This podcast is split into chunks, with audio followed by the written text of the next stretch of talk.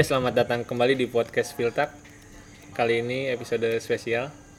Kali ini. Baik lagi bersama gua Reza. Tapi kali ini gua nggak ditem- nggak ditemenin sama Gerhan. Tapi kita kedatangan tamu spesial nih. Tamunya 1 2 3 4 5 6. Kali ini Spiltak jauh-jauh datang ke Sleman untuk berkolaborasi dengan salah satu podcast paling fenomenal se Sleman.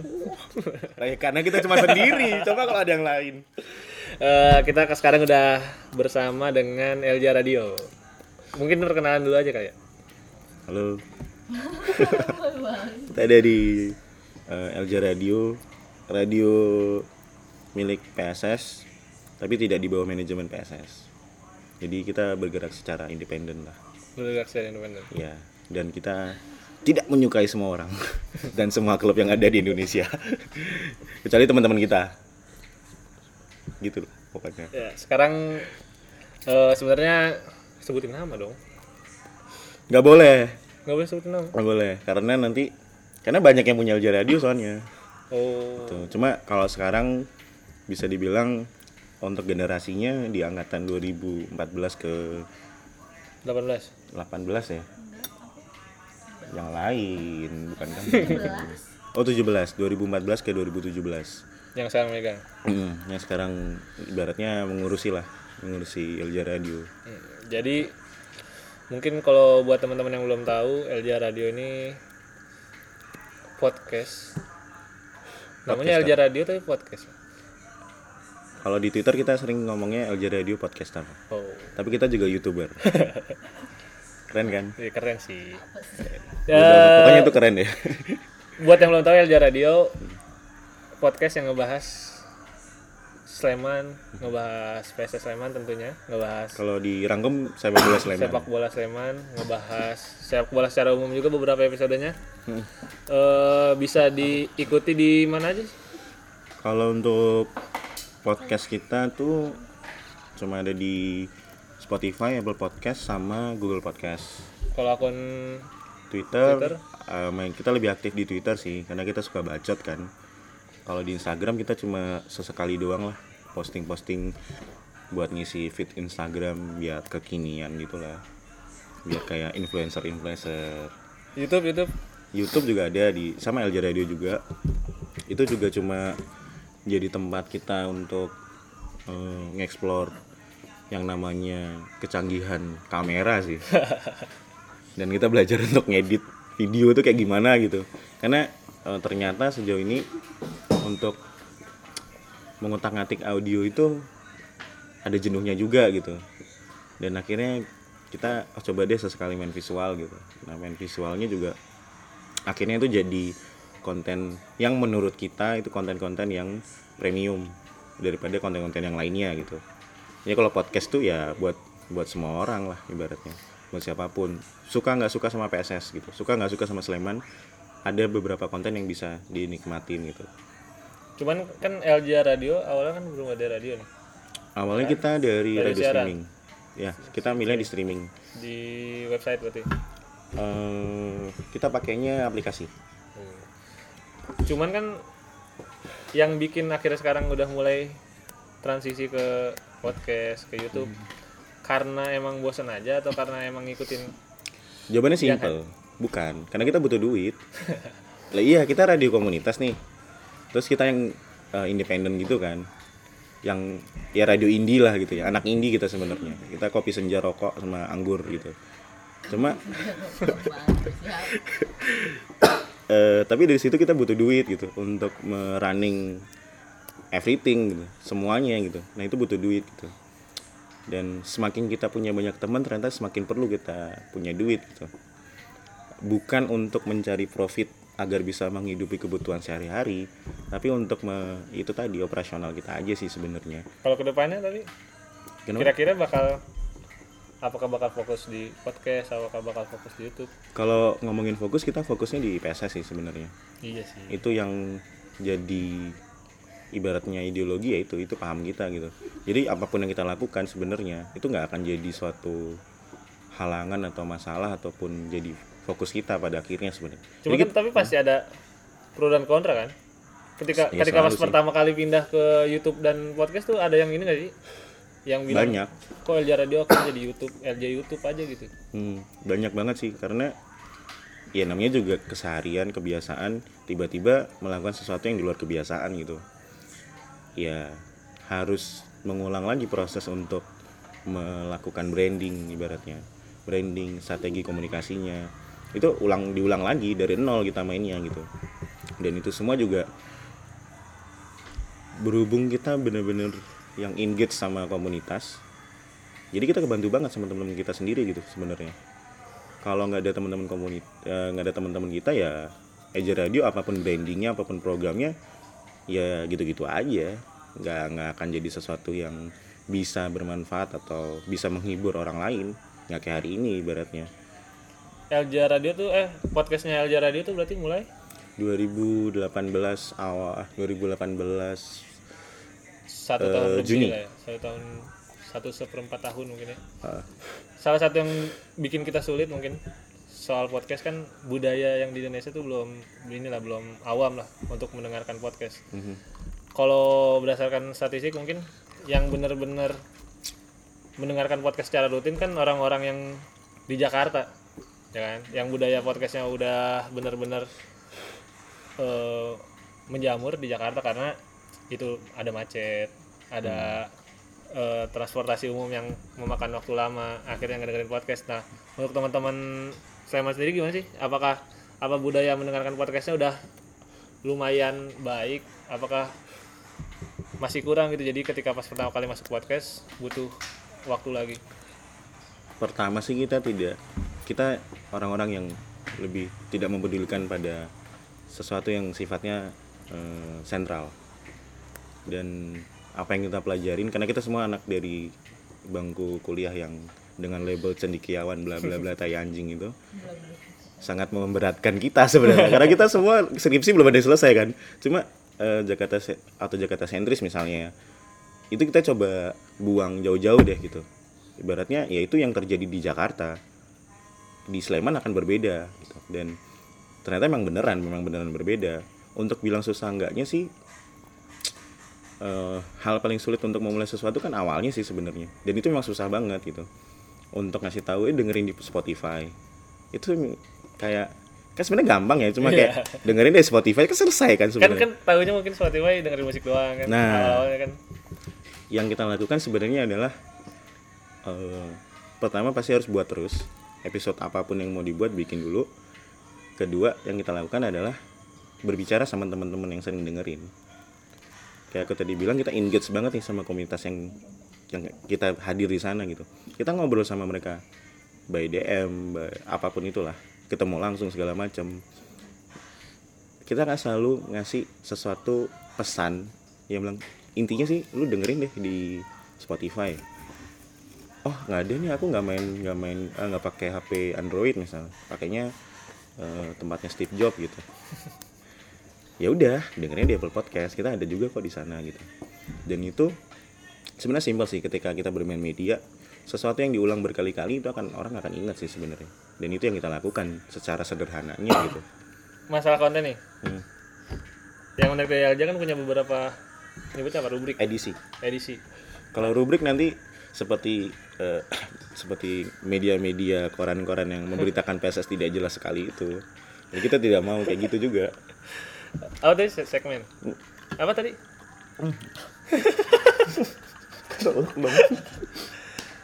Edisi. edisi Solok.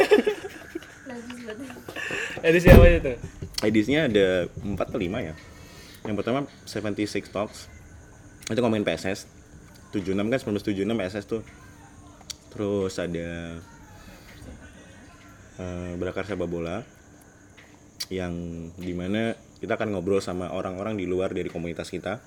Kita belajar soal kultur atau apa pun sepak bola yang mereka miliki. Terus grassroots, grassroots itu tentang eh, fokus kepada persupporteran di Sleman dan sekitarnya. Sunday Jersey, kita ngomongin soal jersey sama teman-teman Sleman Jersey. Terus ada full time bareng teman-teman dari Sleman Football. Itu kita ngomongin soal analisis pertandingan sih. Itu adalah tempat yang paling kita sukai untuk uh, mengata-ngatain pemain kita sih. Gitu. Berarti lumayan banyak sih. Jadi emang lumayan variatif juga sih. Eh tapi yang paling menarik menurut gue sih ininya sih. Kalau collab collabnya Berakar sepak bola? Berakar sepak bola. Itu eh awal idenya gimana sih? Awal idenya itu adalah karena LJ Radio tuh merasa bahwa kita tuh terlalu sering dimanfaatkan oleh media media mainstream terutama. Mereka datang untuk bikin entah apa pun itu produknya produk komunikasinya. Terus kita kayak kita dapat apa sih gitu? Kita bukan minta duit enggak. Kita cuma ini kita dapat giving back itu apa sih gitu? Feedback kita tuh apa gitu? Dengan menemani mereka atau memberikan semua informasi yang mereka perlukan gitu oh kita tuh sebenarnya bisa belajar sama mereka gitu. Eh, di satu sisi ya kayak tadi Alja Radio tuh diisi oleh orang-orang yang cuma pengen belajar aja sih sebenarnya untuk mencari pengalaman. Dan untuk profesional jauh banget. Dan media-media mainstream ini tentu saja mereka lebih profesional kan. Nah dari situ tuh kita kepikiran sebenarnya berakar sepak bola itu adalah program offer kita. Jadi kita ada program offer yang isinya eh, diskusi terus screening film terus ada eh, eksibisi eh, pamerannya juga dari situ akhirnya karena kita punya beberapa link eh, beberapa ada yang ngisi dari Swedia, Jerman, terus Thailand, Prancis. Nah, dari situ kita belajar deh soal kultur mereka di sana itu seperti apa gitu. Dan ini tuh biar orang-orang terutama di Sleman ya kita nggak ngomongin di Indonesia kita cuma ngomongin di Sleman nih di Sleman tuh biar nggak semudah itu makan mentah-mentah apa yang ada di luar gitu.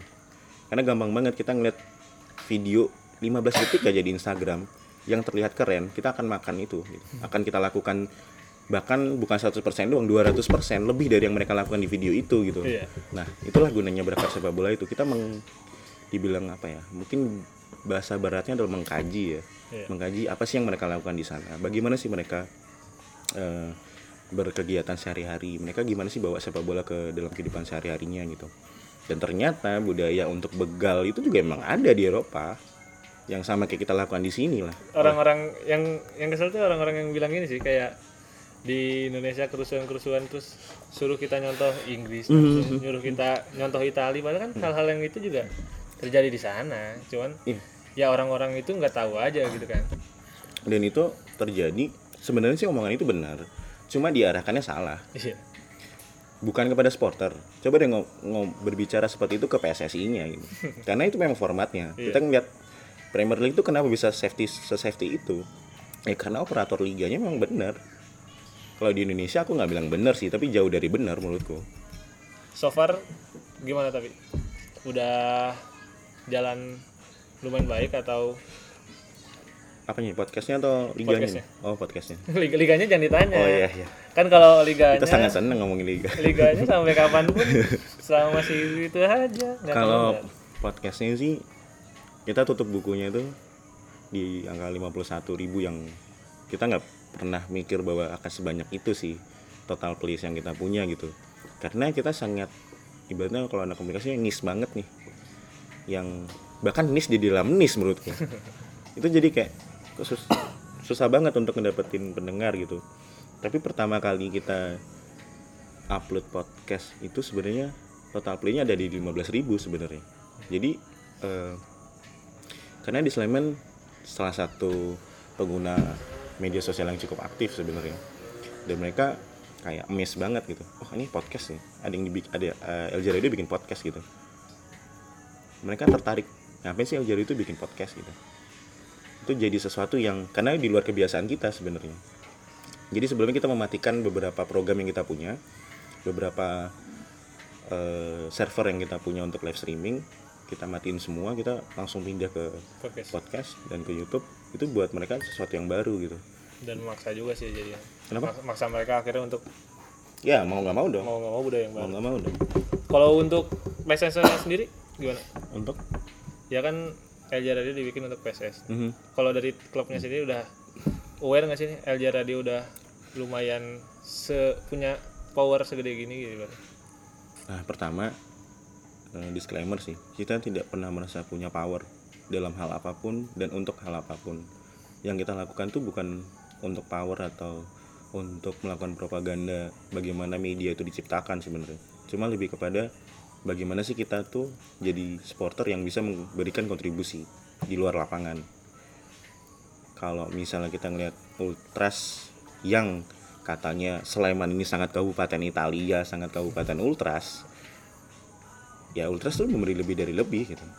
Dan buat kita LJ Radio itu di luar lapangan kita nggak ngapa-ngapain tuh aneh banget. Sesuatu yang nggak bisa lah untuk nggak dilakukan sebenarnya. Dan balik lagi dari makanya dari situ kita berpikiran bahwa apa yang kita lakukan itu kontribusi aja sih sebenarnya. Terlepas kita punya uh, achievement dari media ini media itu kita uh, cuek aja sih. Itu sebenarnya juga bukan yang kita mau dan itu juga datang karena PSS dan untuk PSS pada akhirnya. Dan on dari tadi uh, sorry yang dari manajemen sendiri uh, adalah beberapa pendekatan ke kita gitu untuk coba deh gab, apa digabungin aja ke media officer atau gimana gitu ya. Cuma kita um, akhirnya menolak untuk tidak gitu. Iyalah menolak untuk karena tidak. karena karena posisinya biar tetap karena biar kita bisa menjaga kejernihan lah ya kejernihan ide. Ya pasti itu dari sisi medianya kan. Tapi dari sisi sosialnya kita ingin jaga hubungan kita sama siapa pun baik gitu. Jadi ketika kita karena kita suka bacotin PSSI sih masalahnya. Iya kita justru episode kedua itu kita mengkritik si Kerating Deng. Itu kan Piala Kerating Deng Indonesia Iya. sebenarnya kan. Kita mengkritik itu dan kita mikir nih kalau misalnya kita bikin lagi ntar yang kena denda PSS gitu. Ya rugi dong. Kalau rugi kalau PSS-nya rugi ngapain kita bikin kayak gini? Kita kan nggak mau bikin rugi PSS gitu. Dan dari situ kayak ya udahlah eh, daripada kita bikin rugi PSS mending kita nggak usah gabung. Kita bikin aja yang seadanya yang kita bisa semaksimal mungkin. Pada Sejauh- akhirnya gitu. sejauh ini udah ketemu banyak podcast juga kan? Ya ketemu banyak podcaster sih. Dan mereka lebih bagus daripada kita semua semuanya. Eh, yang paling berkesan podcast uh semua berkesan soalnya. Iya sih berkesan pasti berkesan. Maksudnya Eh. yang bener-bener memberi impresi di di atas ekspektasi ya. semuanya juga karena Contohnya?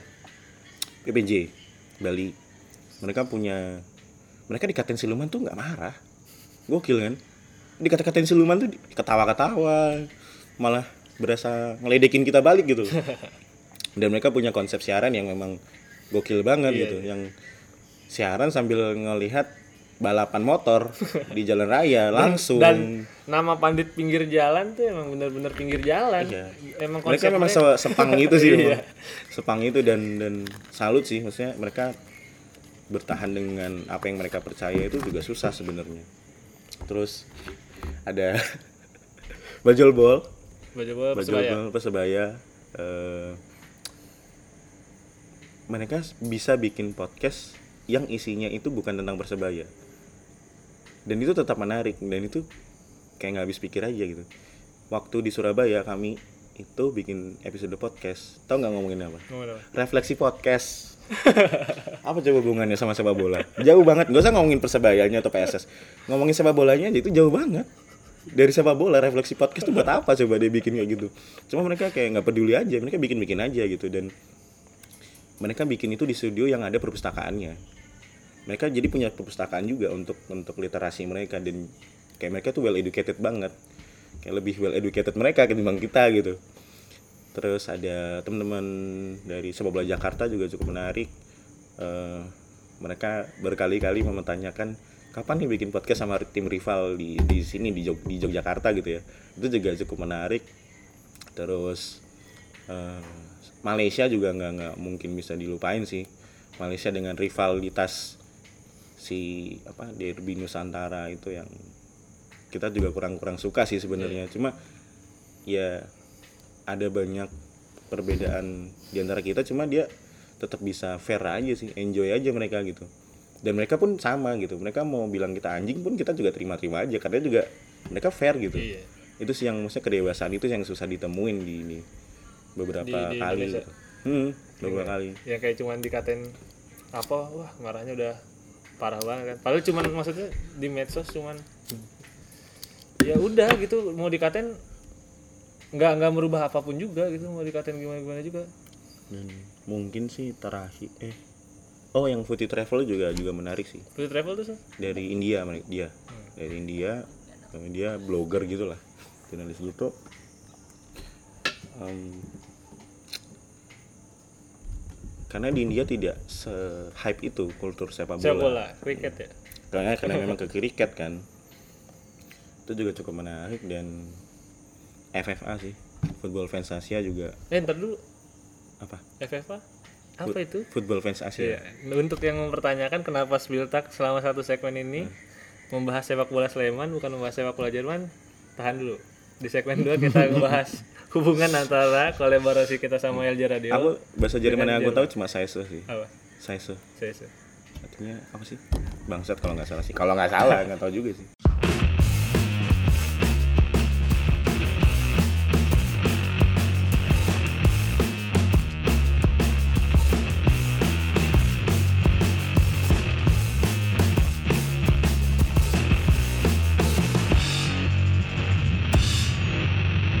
Kembali lagi bersama Spiltak pada segmen kedua ini kita masih bersama dengan LJ Radio. Eh apa hubungannya Spiltak sama LJ Radio? Jadi LJ Radio ini, ntar minum dulu aduh, eh di sebelah nggak boleh ya bebas. oh bebas kira nggak boleh Jadi LJ Radio ini punya hubungan yang menarik juga dengan FFA tadi. Apa kepanjangannya FFA? Football Fans Asia Football Fans Asia yang ternyata isinya fans Dortmund dan fans Eh, Hamburg Hamburg ya. Hamburg Hamburg SP. Jadi Spieltag aja yang ngebahas Jerman tidak ada hubungannya dengan orang-orang Jerman. LJ Radio punya hubungan dengan orang Jerman. Mungkin bisa diceritain dikit nih. kita tidak punya hubungan apa pun sebenarnya nggak cuma sih temenan aja sih Eh, karena mereka kebetulan juga ada beberapa project yang menurut kita sesuai dengan apa yang kita percayai lah. Dan project mereka juga cukup menarik. Terus kita juga agak bisa saling bertukar ilmu nggak cuma sekedar satu arah lah. Dan dari situ sih kita respect respect banget sama mereka. Dan em, sebenarnya mereka ini sih yang orang-orang yang old school dari klub-klub mereka sebenarnya Eh, cukup tua sih mungkin di atas 30-an lah cuma mereka eh, banyak sharing sama kita soal entah soal sepak bola secara permainan atau secara kulturnya itu sendiri gitu Kultur saya. Eh, sejauh ini apa nih yang didapat dari mereka? Jadi kultur-kultur fans Jermannya apa yang kemudian bisa akhirnya dipindahin ke Sleman? pertama kayaknya kita harus lebih banyak minum bir sih. Karena mereka sangat kuat minum bir nggak nggak heran aja mereka sangat kuat minum bir gitu. Dan untuk minum-minum apa sih namanya liquid apa? Apa sih yang ada alkohol itu. Apa sih namanya yang ya pokoknya alkohol alkohol semacam D atau yang lokalan. Ah likor sorry likor itulah. Atau Amer gitu mereka justru kebalikannya. Ya Allah diketawain. Ya sorry kita kan cuma dari kabupaten nggak pernah ketemu kayak minuman apa likor likor itu. Likor son kali kali ya. Ya gitulah pokoknya. Cuma itu pertama dan kedua em, bagaimana mereka tuh bawa sepak bola ke dalam kehidupan sehari-hari juga juga cukup penting gitu.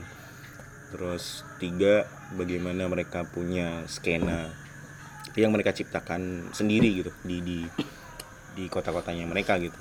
Eh, let's say kayak Dortmund mereka punya pub sendiri gitu.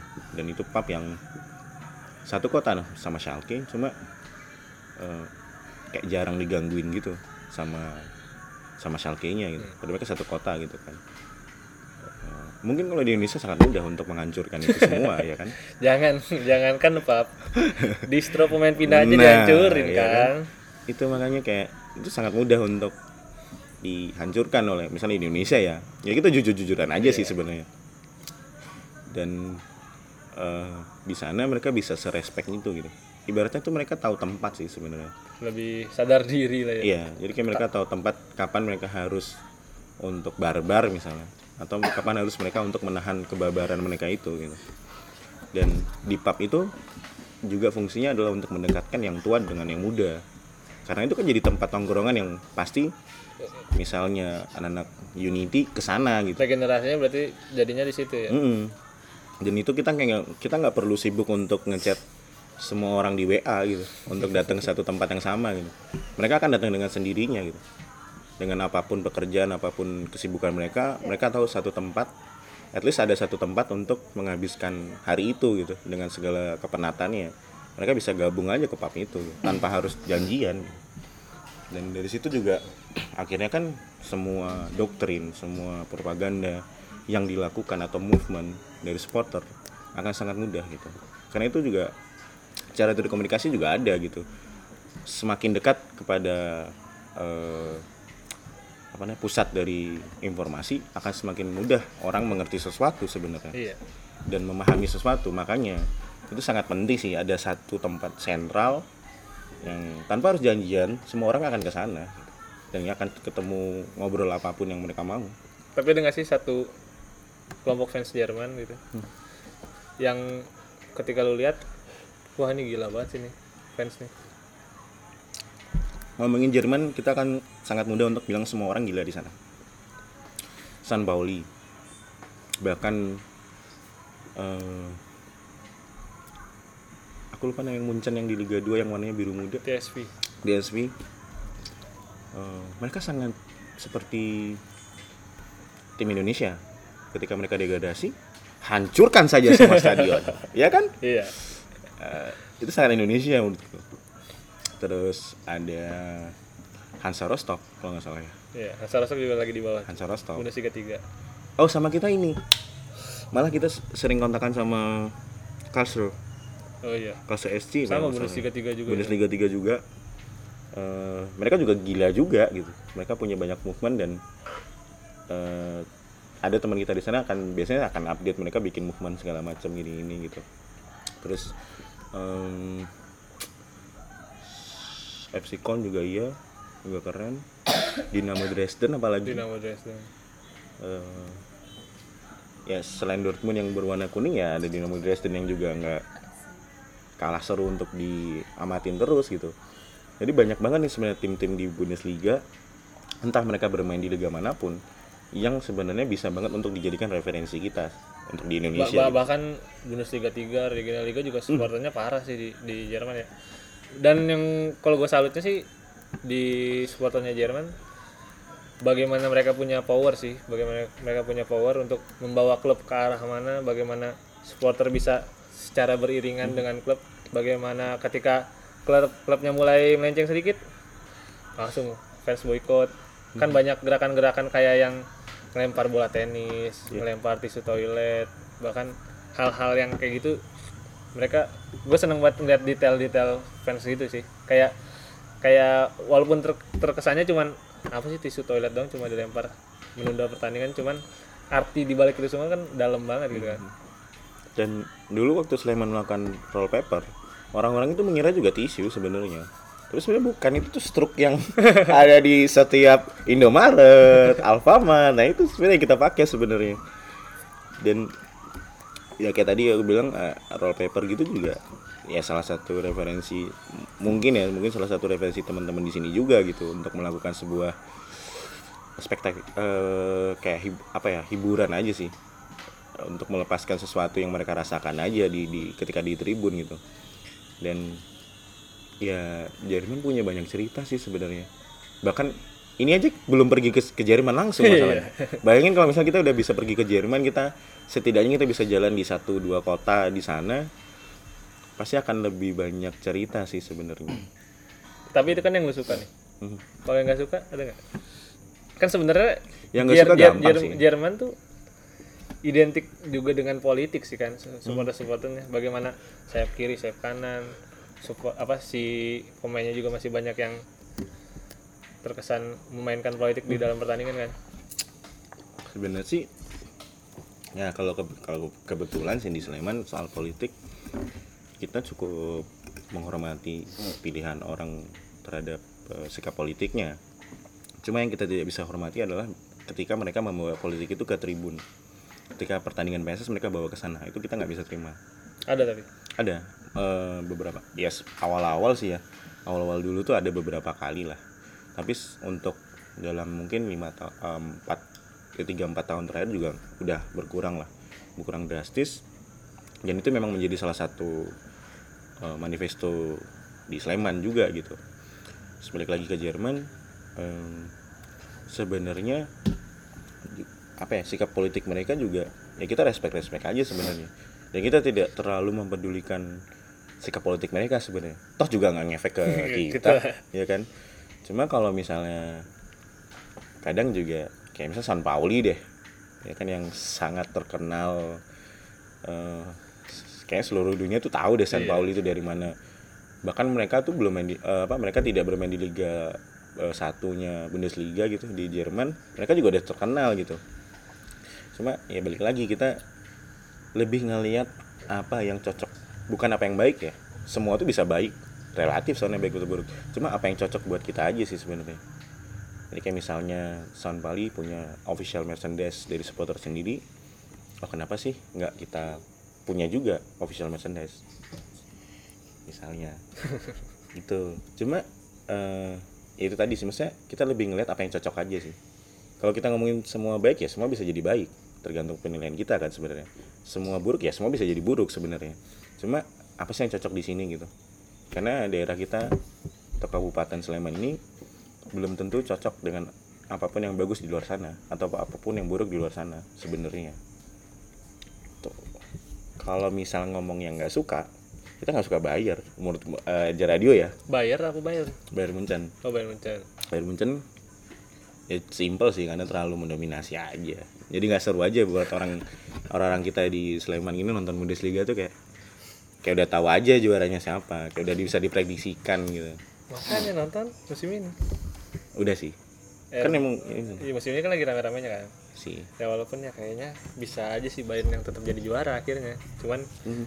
ya musim ini lebih banyak aja sih tim-tim yang berada di papan atas dan menggoyang posisi Bayern. Cuman feeling gua sih tetap Bayern yang juara. loh kamu di podcast gue bilangnya RB Leipzig sekarang kok bilang Bayern Secara permainan kan, secara permainan kan RB Leipzig yang paling meyakinkan. tapi mereka sering kalah loh sekarang Enggak. Yang sering kalah tuh Gladbach. Akhir-akhir ini kan Akhir-akhir susul sama ini RBL. Cuman kalau berdasarkan pengalaman bagaimana tahun kemarin Dortmund udah cukup lama di atas. Eh, untuk menolak Bayern sebagai kandidat juara kayaknya enggak juga sih. Kayak karena oh iya itu nggak mungkin sih mentality itu tidak dibentuk dalam satu hari. iya Setuju it- it- setuju itu sih yang jadi masalahnya RBL. Dan itu jadi daya tarik akhirnya kan. Nah itu yang berusaha sebenarnya gini, supporter tuh pingin, pingin juga kayak gitu gitu. Artinya ketika ada pemain, pemain itu akan tertarik untuk bermain di Sleman karena tahu kalau Sleman itu akan selalu menjadi kandidat juara. Itu jadi daya tarik yang tidak bisa dipungkiri oleh pemain dari amatir sampai profesional sebenarnya. Dan selain itu, bagaimana klub-klub di Jerman itu bisa mengkondisikan industri dengan kultur sepak bolanya seimbang. Itu juga penting banget. Kalau kita ngeliat Premier League sangat gampang. Datengin aja investor yang kaya raya. Iya kan semudah itu. Salah, salah satu yang jadi eh, hal kuat yang mengakar di Bundesliga kan juga 50 ke 1. Hmm. Sekarang gue mau nanya nih. Terlepas dari PSS Sleman. Eh, PS Sleman. Hah? PS Sleman. PS Sleman. Masih terucap terus itu. Gak apa-apa. Emang lagi branding aja sekarang. Lagi branding. Mm. Eh, apakah 50 plus 1 nih bisa diterapkan gak sih di Indonesia? Kalau menurut lu? Nggak, terserah mau di mana pun klubnya. Sangat bisa sih sebenarnya. Pertama karena eh, Indonesia itu sangat Indonesia itu tidak terkenal dengan sepak bolanya secara permainan. Ya tahu sendiri kita Capek ya. di atasnya Kamboja apa Myanmar gitu kita sekarang peringkatnya, ya kan? Cuma Indonesia itu sangat terkenal dengan supporter-supporternya lah. Banyak banget supporter yang besar, eh, lebih bagus dan lebih loyal atau segala apa pun itulah ibaratnya. dan untuk menerapkan 50 plus 1 itu bisa banget karena itu tadi supporternya loyal dan royal itu adalah sesuatu yang susah untuk ditemukan di dunia bernama bumi ini kan sebenarnya. cuma permasalahan adalah apakah karena di Jerman itu diterapkan oleh DVB Iya, jadi Iya. peraturan khusus. artinya pembuat eh, otorit pemegang kebijakan yang paling besar itu udah siap gitu Dan mendukung ya. dan mendukung dan menerapkan itu nah PSSI ini bisa nggak kayak gitu kan kita nggak bisa karena ini dari, menurutku dari top to bottom bukan dari bottom to top Karena soal regulasi. karena soal regulasi ya sama aja ya kali Pak Jokowi sebagai presiden mau diperintah sama masyarakat bikin peraturan dari bawah kan juga nggak mau lah Iya. ya kan sesimpel itu ya kita tanpa kita harus sekolah S3 nih sesimpel itu aja men, Iya. sebenarnya dan makanya aku bilang kalau dari supporternya menurutku loyal dan royal masalahnya itu mereka bisa gitu nggak cuma di Sleman kan di mana pun Di mana pun. di mana pun bahkan Bali United bisa buka IPO yang beli juga menurutku pasti ada deh yang jadi jadi fansnya Bali United atau jadi supporternya Bali United. Makanya kalau secara supporter itu pasti siap. Setidaknya siap untuk membeli siap untuk mengeluarkan duit. Tapi kan di balik itu semua ada sistem. Ada sistem ada manajemen ada strateginya dan taktik untuk mengerjakan itu semua agar lancar. Seperti Bundesliga. Karena di Bundesliga juga 51 plus satunya kan beda-beda. Ada 50 plus 1 real, ada 51 yang diakal-akalin. Jadi emang kompleks sih kalau kita bicara 50 plus 1 dan bahkan di Bundesliga sendirinya juga sampai sekarang masih jadi pro dan kontra apakah 50 plus 1 ini pengen diterusin apa enggak karena menurut kabar yang berkembang ada wacana juga untuk penghapusan 50 plus 1 karena katanya menghambat investor-investor buat pasti masuk. sih pasti sih dan eh, nggak tahu sih ya mungkin teman-teman lebih tahu atau teman yang dengerin lebih tahu. Cuma dari yang LJ Radio pelajarin soal 50 plus 1 itu ada pengecualian untuk beberapa tim kan yang tidak menerapkan 50 plus 1 gitu. Tapi itu dengan catatan bahwa mereka memiliki perusahaan lokal sendiri yang membangun klub itu. Kurang lebih kayak 5-10 tahun lah mereka bisa survive sendiri. Boleh deh mereka tidak menerapkan 50 plus 1 dan itu sangat bagus untuk eh, ekonomi dari daerah tersebut. Makanya eh, 51 tuh bukan cuma sekedar soal siapa yang memegang kuasa sih antara manajemen ataupun supporter Supporter. sebenarnya. Tapi lebih dari itu ada ada nam, ada pengembangan ekonomi sosial bahkan politik di daerah itu yang bisa lebih baik dari hari sebelum-sebelumnya. Makanya kayak 51 tuh menurutku di Indonesia harusnya bisa diterapkan mungkin masih lama. Tapi setidaknya wacana itu bisa untuk dirancang lah. Dirancang. Memungkinkan ya? Memungkinkan sekali masalahnya. Dan itu bisa jadi jawaban permasalahan APBD yang dicabut. Yang belum terselesaikan sampai sekarang ya? Menurutku belum terselesaikan Belum sampai sekarang. Belum terselesaikan gitu.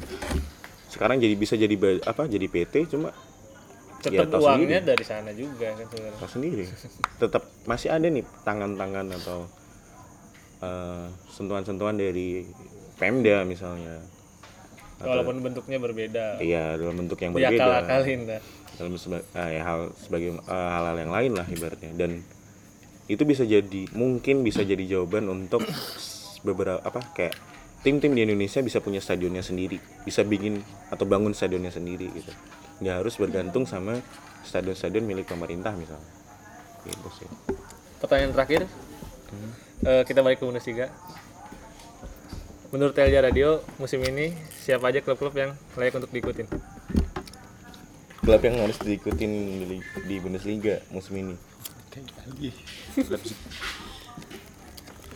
Kalau eh, kata sobat LJ Radio RB Leipzig ya dan RB Leipzig juga sekarang akan segera menjadi RB Sleman.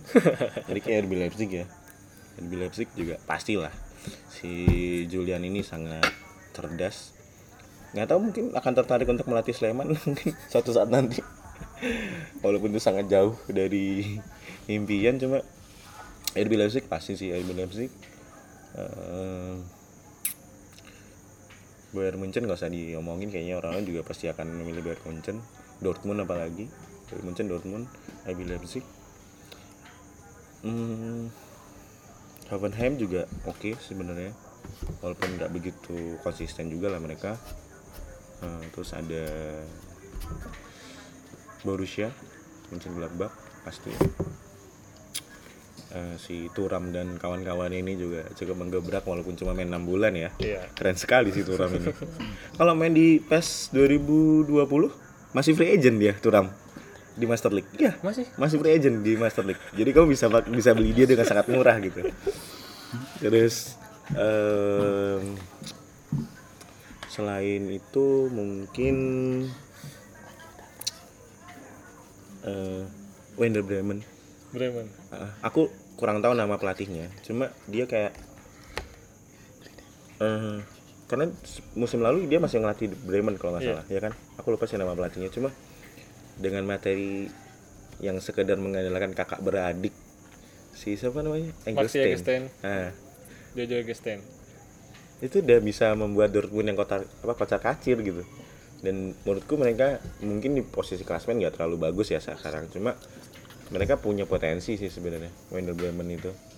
Dan mungkin kita akan bisa ngelihat Werder Bremen ketika Claudio Pizarro misalnya ya kan Masih main kan. masih main di sana dan mentalitas seorang Claudio Pizarro nggak nggak usah diragukan sih Kemarin sebenarnya se- pas Dortmund eh, apa Bremen kalah kalah terus Pizarro sempat beberapa kali bikin asis atau gol sih, cuman dianulir sama VAR.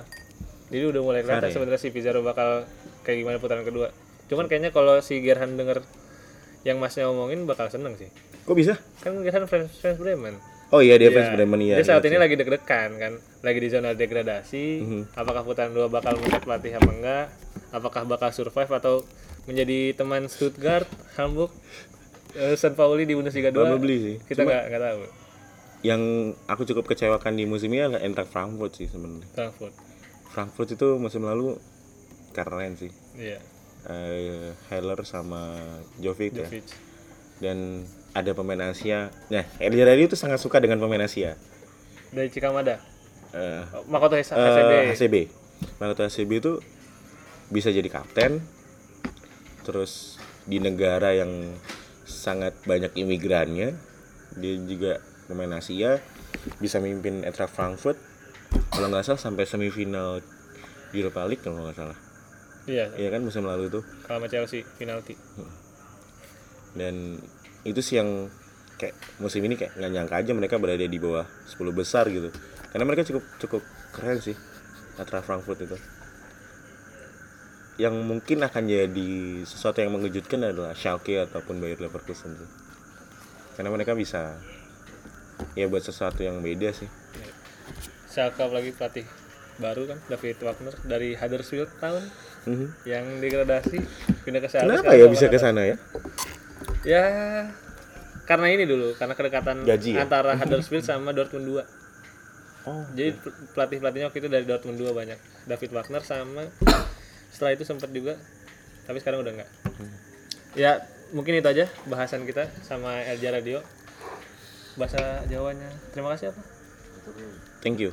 Thank you Matur Suwun untuk Elja Radio yang udah menyempatkan diri. Kenapa sih kalau pergi main ke kota orang tuh harus berbicara seperti orang di sana kan nggak harus sebenarnya?